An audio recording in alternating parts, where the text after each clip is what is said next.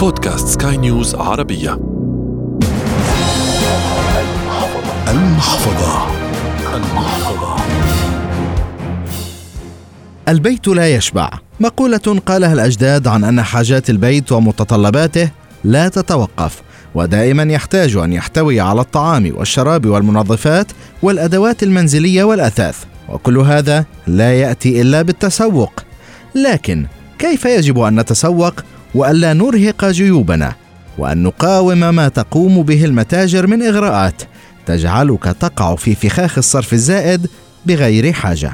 في حلقة اليوم من المحفظة كيف أتسوق على قدر حاجتي؟ وماذا تفعل المتاجر حتى تجعلنا ننفق المزيد ونهدر مالنا؟ وضيف اليوم الخبير المالي محمد جلال. محمد أهلا بك. بداية كيف أسيطر على نفسي أثناء التسوق وكيف لا أقع في خداع بعض المحال التجارية التي تجعلني أشتري ما لا حاجة لي به. أهلا وسهلا. قبل ما نتكلم عن إزاي المتاجر بتقدر تخلي المستهلك يصرف أكتر ما كان مخطط إن هو آه، يصرفه آه، خلينا الأول نتكلم بس عن قطاع تجارة التجزئة بشكل عام عاملة إزاي. كان في كلام كتير بيتقال إن قطاع التجزئة آه، خلاص بيروح والناس مش هتروح تاني المحلات لصعود تطبيقات التجارة الإلكترونية وإن الناس بتشتري عن طريق الابلكيشنز و و و. ولكن في الحقيقة كل التجارة اللي بتتم عن تجارة التجزئة بالذات اللي بتتم عن طريق الإنترنت لا تمثل سوى 14% وممكن توصل ل 22 أو 25% كمان ثلاث سنين. يعني بمعنى أصح ربع السوق. ده معناه إن ال 75% الباقية هتكون للمتاجر التقليدية اللي أنت لسه بتزورها وبتروحها. طب ده ياخدنا بقى لحاجة تانية. هل الناس لسه بتفضل تروح المحلات؟ الإجابة آه. في شركة PWC عملت دراسة على 15000 مستهلك في 12 دولة. بتقول إن 75% من الناس لسه بتفضل التفاعل البشري وإن هي تروح المحلات. وكمان الدراسة وجدت إن وجود تجربة إيجابية خلال عملية الشراء في وجود موظف متدرب كويس جدا ده أدى إن هم يزودوا إنفاقهم أو يشتروا أكتر ب 14% إحنا هنا اتكلمنا عن التجربة الجيدة وجود موظف متدرب كويس وعامل للزبون بشكل كويس جدا وده رفع مبيعات المكان. نيجي الشق الآخر بقى السلبي إن لو تجربة سيئة واحدة ممكن تخسر الشركة حوالي 30% من العملاء. تخيل تجربة واحدة سيئة بس ممكن تخلي العميل ما يرجعش تاني حتى لو كان عنده ولاء لهذا المنتج أو لهذه الشركة ومست... ودايما بيشتري منها. بالتالي ثلث الأرباح سوف تقل طبعا. أو تذهب سدى على الشركة. ب- بالظبط. عشان كده معظم الشركات الكبيرة بتحاول إن هي دايما تخلي العميل يستمتع بأكتر يعني ترضي الزبون وتجعله دائما المقولة التي نسمعها الزبون دائما على حق. بالظبط بالظبط. دايما معظم الشركات الكبيرة بتحاول تخلي الزبون سعيد. نعم. لما سألوا الناس في الدراسة ديت إيه هي المحلات أو إيه هي الحاجات اللي لسه هم عايزين يروحوا يشتروها بنفسهم؟ وإيه هي الحاجات اللي هم عايزين يشوفوها تتحول لأونلاين؟ وجدوا إن مثلا شراء السيارة المستهلك لا يزال يفضل إن هو يروح يشتري السيارة بنفسه من المعرض. طبعا. وإن كان شركات كبيرة زي تسلا مثلا أغلقت. معظم معارضها وبتبيع سياراتها أونلاين ولكن لا يزال إن المستهلك بيحب يروح يجرب الشيء بنفسه ويشوفه. إذا كانت جديدة بتوقع محمد أنه ممكن تشتريها أونلاين ما دام عارف تفاصيلها ونوعها وكذا. لكن إذا كانت مستعملة طبعا لازم تروح تشوف وتفحص وتكشف و... بالظبط حتى لو جديدة برضو أنت بتحب تقعد فيها وتشوفها وممكن كمان تجربها. طبعا. يعني السلع اللي من النوع ده لازم تجربها. لما سألوهم بقى إيه الحاجات اللي هم عايزين يشوفوها أونلاين. تحولت لاونلاين قال لك مثلا إن إحنا نحجز آه، ميعاد عند الدكتور. مش محتاج إن أنت تتصل أو تعمل أي شيء بيكفي application واحد إن هو يستخدمها. نعم. وأمثلة كتير. هي الفكرة إن المتاجر اللي موجودة على الأرض أو ال- أو المتاجر الحقيقية مش الافتراضية اللي زي ال- اللي على الإنترنت. فكرتها أو من مزاياها إن أنت بتاخد المنتج بتروح تشوفه عجبك بتاخده وتمشي. نعم. عكس الاونلاين أنت لازم تستنى يوم أو يومين على على الأقل إن الحاجة توصل. وإذا اجى مطابق للي أنت. ببالك مثلا إذا أخذت شيء ملابس ممكن يطلع كبير صغير بالضبط. ترد تستنى يرجع أو ترد تستنى يجي بداله. فقصة طويلة. هنا بقى نرجع بقى للسؤال اللي انت سألته في الأول. إزاي المتاجر بتعمل حاجات بتخلي المستهلك يشتري أكتر مكان مخطط؟ وفي الحقيقة هي بتستخدم علم النفس وبتستخدم كمان علم التسويق. التسويق. في إن هي تخلي المستهلك يشتري أكبر قدر ممكن. خلينا نروح لها حاجة حاجة هرجع تاني لنقطة مهمة جدا من على أرض الواقع طالما إن الناس لسه بتحب تروح المتاجر بنفسها. ففي تجربة حصلت آه، على أرض الواقع في آه، أحد المحلات الكبيرة في أمريكا اسمه Target متجر كبير ليه سلاسل فروع كتيرة حوالي 1800 أكتر من 1800 فرع وجرب إن هو يجيب آه، موظفين متخصصين في كل قسم في 250 فرع من الفروع بتاعته ديت. مثلا جاب makeup artist لقسم الميك اب جاب آه، متخصص في قسم الإلكترونيات. لا ومتدربين كويس جدا. وجدوا إن إن هذه الفروع اللي جاب فيها موظفين متدربين كويس جدا. حققت أرباح, أرباح. أكثر. حققت مبيعات أكتر بكتير من متوسط المجموعة ككل مم. اللي كان فيها هذا آه، الشيء. طيب دي طريقة مفهومة ومعروفة إنك يكون عندك آه، آه، بي- موظفين مدربين. موظفين مدربين بياع شاطر جدا بيقدر إن هو يتعامل كويس جدا مع العميل. زي ما قلنا في الأول إن التجربة الجيدة بتخلي العميل يقدر يشتري أكتر. تمام. في حاجات تانية المتاجر الكبيرة بتستخدمها عشان تأثر على قرار الشراء عند المستهلكين. خلينا مثلا نقول أول حاجة شكل المحل من بره. مثلا عندك نوافذ العرض بتكون نظيفة وفيها سلع قليلة وكل ما كانت فيها سلعة واحدة بس فده بيعبر إن هي السلعة فخمة. أو مميزة جدا إن هم يعرضوا شيء واحد بس داخل نافذة العرض. طيب أنت كل الكلام ده من بره. طب أنت بقى دخلت المحل فبنيجي هنا بقى لدور التصميم بتاع المتجر نفسه. القاعدة بسيطة جدا. هدف أي متجر كبير إنه يخليك تقضي أكبر وقت ممكن داخل هذا المتجر. كل ما قضيت وقت أكبر هتدفع كل زيادة. ما احتمالات إنك تشتري, تشتري أكتر زيادة. كبيرة. نعم. بالظبط ففي دراسة اتعملت سنة 2007 وجدت إن المحل لما بيكون آه، مصمم إنك تمشي فيه مع اتجاه عقارب الساعة بيخليك تشتري أسرع وبتشتري الحاجة اللي انت عايزها بالظبط. عشان كده المتاجر بتعمل العكس ده بالظبط. المتجر بيخليك آه، تدخل عكس اتجاه عقارب الساعة. وده بيزود صعوبة إنك توصل للحاجة اللي أنت عايزها. وكل ما أنت اتأخرت أكتر داخل المحل كل ما احتمالات إنك تشوف منتجات جديدة تعجبك تشتريها بشكل ما أو بآخر. مش كمان إن هي بس بتغير تصميم المتجر لكن كمان بتتعمد إن هي تغير آه، أماكن الحاجات من وقت للتاني. وده عشان برضو لما تيجي من وقت للتاني تدور على الحاجة اللي أنت عايز تشتريها طول تطول أكثر أكتر وتقعد تدور عليها حاجات أكثر بالظبط ده اللي بيحصل. طيب حاجة تانية ويمكن ناس كتير ممكن تكون سمعت عنها إن عربة التسوق. كل ما زاد حجمها كل ما أدى إلى زيادة المشتريات. وأنت مش حاسس. في حد خبير عمل تجربة إنه ضاعف حجم عربة التسوق واكتشف إن هي زودت مشتريات الناس بحوالي 40% تخيل. حاجة تانية كمان آه، بتعملها معظم السوبر ماركت كبيرة آه، في إن هي بتخبي أو بتخلي الحاجات الأساسية اللي الناس بتحب تشتريها دايما بشكل معتاد. في مكان بعيد جدا مثلا الخبز والحليب بتخليهم في آخر حاجة في المتجر على اعتبار إن أنت لما تدخل عايز تشتري دي بس فأنت لازم تدور عليها وتعدي على أكتر من ما قطاع. توصلها ب- بتاخذ بالظبط. لك كم من غرض بالظبط. مثلا. بالظبط. فدي برضو حاجة من الحاجات التانية اللي بتستخدمها المتاجر الكبيرة في إن هي تزود مبيعاتها بشكل أنت مش حاسه. حاجة كمان بتعملها المتاجر وبرضه هنرجع تاني للمتاجر الكبيرة إن بتفصل الحاجات اللي دايما الناس بتشتريها مع بعض. مثلا لو الناس بتشتري خبز بتشتري معاه عسل فبتخلي مكان الخبز في مكان ومكان العسل في مكان تاني. برضو عشان تمشي أكتر وتاخد وقت أطول في إنك أنت تتحرك داخل المتجر واحتمالات إنك تشتري حاجات تانية أنت أساسا مش محتاجها تزيد. حلو. نيجي بقى لحاجة تانية وده مبدأ وضعه باحثين في جامعة ديوك الأمريكية سنة 82 وهو ببساطة إنه بيقدر يأثر على آه، قرار آه، الشراء عند المستهلكين لما يجي يختار ما بين منتجين. الموضوع ببساطة إن هو بيضيف منتج ثالث وهذا المنتج بيدفعك إنك تختار منتج تاني خالص عشان هو عايز يبيع المنتج ده. هديك مثال. أحد المتاجر الأمريكية اللي بتبيع أجهزة ومعدات المطابخ في الولايات المتحدة الأمريكية كان عنده آه، آلة تحميص الخبز. فالآلة ديت كان سعرها حوالي 275 دولار. المشكلة عنده إن كانت الناس ما بتشتريهاش. بيروحوا يشتروا دايما الح... ال... ال... ال... الأجهزة الأرخص منها بكتير. فهو عشان ينشط مبيعات هذا الجهاز عمل فكرة بسيطة جدا.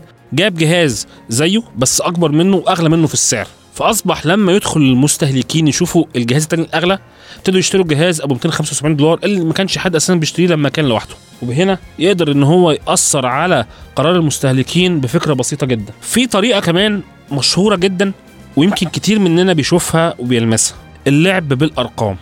تدخل محل بتلاقي إن الحاجة مكتوب عليها 9 99 بدل ما يكتب 10 عادة العقل بيترجم السعر ده إن هو 9 مش 10 وبالتالي بيروح يشتري هذا المنتج. في دراسة اتعملت سنة 99 أثبتت إن المحلات بتبيع أكتر لما بتستخدم الطريقة ديت، هي القصة كلها إن هي بتخدع عقلك إن أنت بتحس إن هي أرخص عشان عادة العقل لما بيشوف الرقم بيروح للرقم الأقل منه، فتخيل مثلا لما أنت بتشوف السعر 49 99 فأنت بيجي في بالك إن هو السعر في الأربعينات، لكن في الحقيقة هو سعره 50 وهكذا.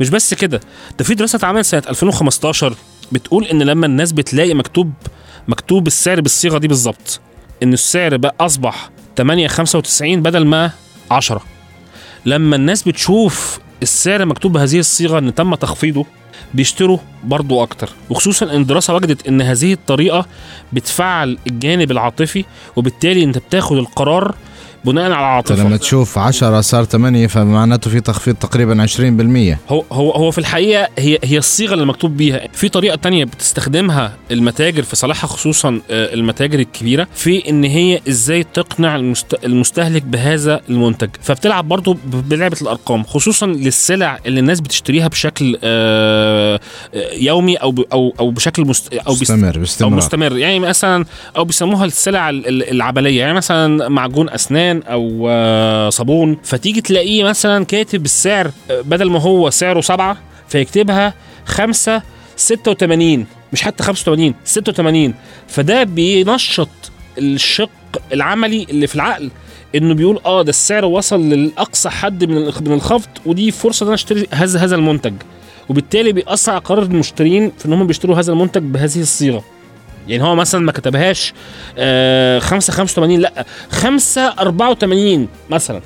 يعني بيحط أرقام عشوائية فيقنعك إن ده شيء تم تخفيضه فعلا لأقصى حد. إحنا قمنا بعمل كل ما علينا لنعطيك هذا السعر. آه بالظبط فأنت تقتنع. بالظبط يعني بالظبط حاجة تانية كتير الناس ممكن ما بتاخدش بالها منها.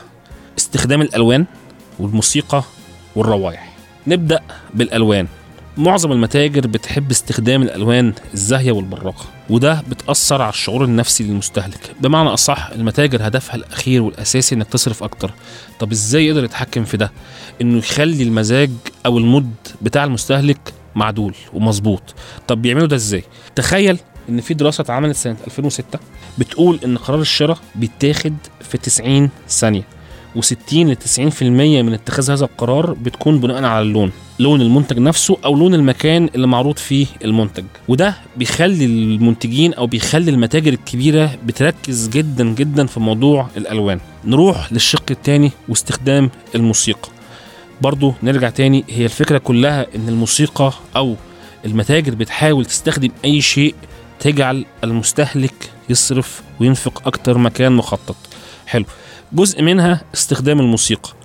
في دراسة اتعملت سنة 82 وجدت إن تشغيل الموسيقى هادية داخل السوبر ماركت بتخلي الناس تمشي أبطأ وتشتري أكتر. كل ما كانت الموسيقى أهدى وأبطأ كل ما كانت الناس بتمشي أبطأ داخل المكان اشتري أكثر تشتري أكتر وحاسة بارتياحية وحاسة إن الدنيا حلوة فبيقعد يشتري أكتر. دراسة ثانية اتعملت سنة 86 على المطاعم وجدت إن المطاعم يعني بتشغل موسيقى سريعة جدا خلت الناس اللي قاعدة بتاكل بتاكل بسرعة جدا. وهنا ده مهم عند المطاعم بس مش مهم عند المتاجر التانية لأن المطعم يهمه إن دايما الترابيزة بتخلص ويخش بعدها. ان يأكل الشخص وينتهي من طعامه ويدخل. شخص آخر. بالظبط. فطول ما يعني المطاعم دايما بتفضل إن الأشخاص ياكلوا في أسرع وقت ممكن عشان يتيحوا المجال للعملاء الجدد. فبالتالي المطاعم هتلاقيها بتشغل موسيقى سريعة جدا. وهتلاقي المتاجر الكبيرة اللي بتدخلها زي السوبر ماركت أو المتاجر الكبيرة اللي بتبيع ملابس و بتشغل موسيقى هادية عشان تفضل هادي وتمشي ببطء وتشتري أكتر. ونيجي بقى لآخر حاجة وهي الروايح. كل ما كانت ريحة المكان محببة للناس كل ما الناس أدت وقت أكبر داخل هذا المكان مش بس كده رفع من معدل شرائهم داخل هذا المتجر. مثلا بعض الخبر بيقولوا إن ممكن المستهلكين يقضوا وقت أكبر بحوالي 50% لو ريحه المكان محببة ومفضلة ليهم. طب تخيل بقى إن في حد قدر يزود مبيعات المكان اللي بيشتغل فيه 23% وهذا رجل خبير في التسويق قدر إن هو يزود مبيعات المكان اللي بيشتغل فيه 23% هذا المكان كان أيضا بيبيع آه، مستلزمات ومعدات مطابخ من أفران و و و. نعم. فكان بيحط ريحة الخبز.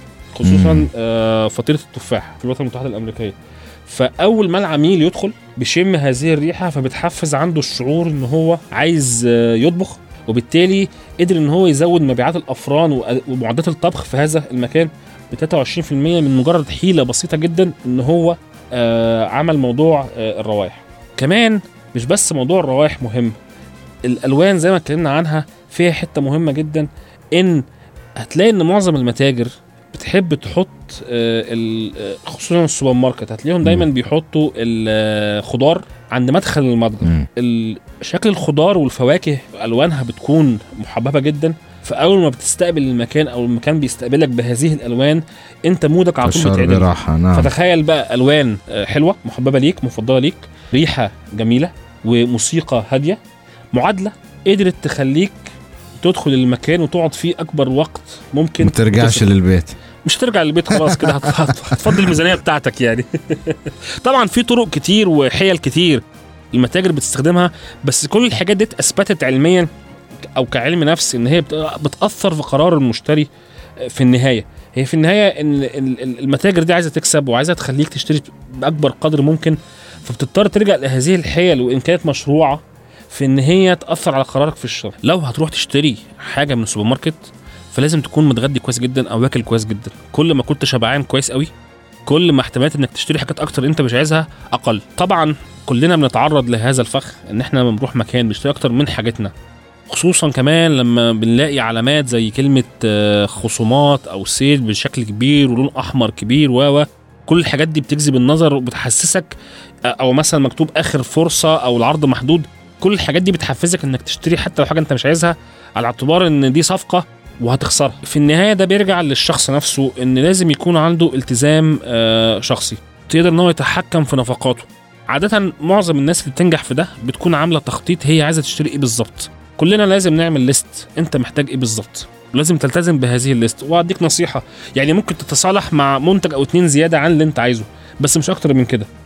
مع الوقت هتقدر إن أنت تبقى عندك التزام آه، ذاتي. تضبط نفسك. وتربط نفسك إنك أنت ما تشتريش أكتر ما أنت محتاج.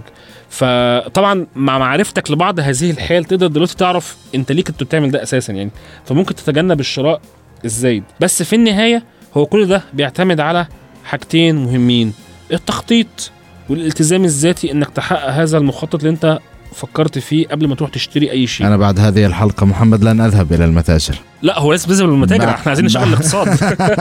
بعد أن رأينا كل هذه الخدع التي نقع فيها دائما لكن دائما يبقى يعني الشخص يجب عليه أن يسيطر على نفسه من ناحية الإنفاق وأيضا أن يأخذ ما لا يحتاجه. في ختام هذه الحلقة محمد جلال شكرا جزيلا لك. المحفظة.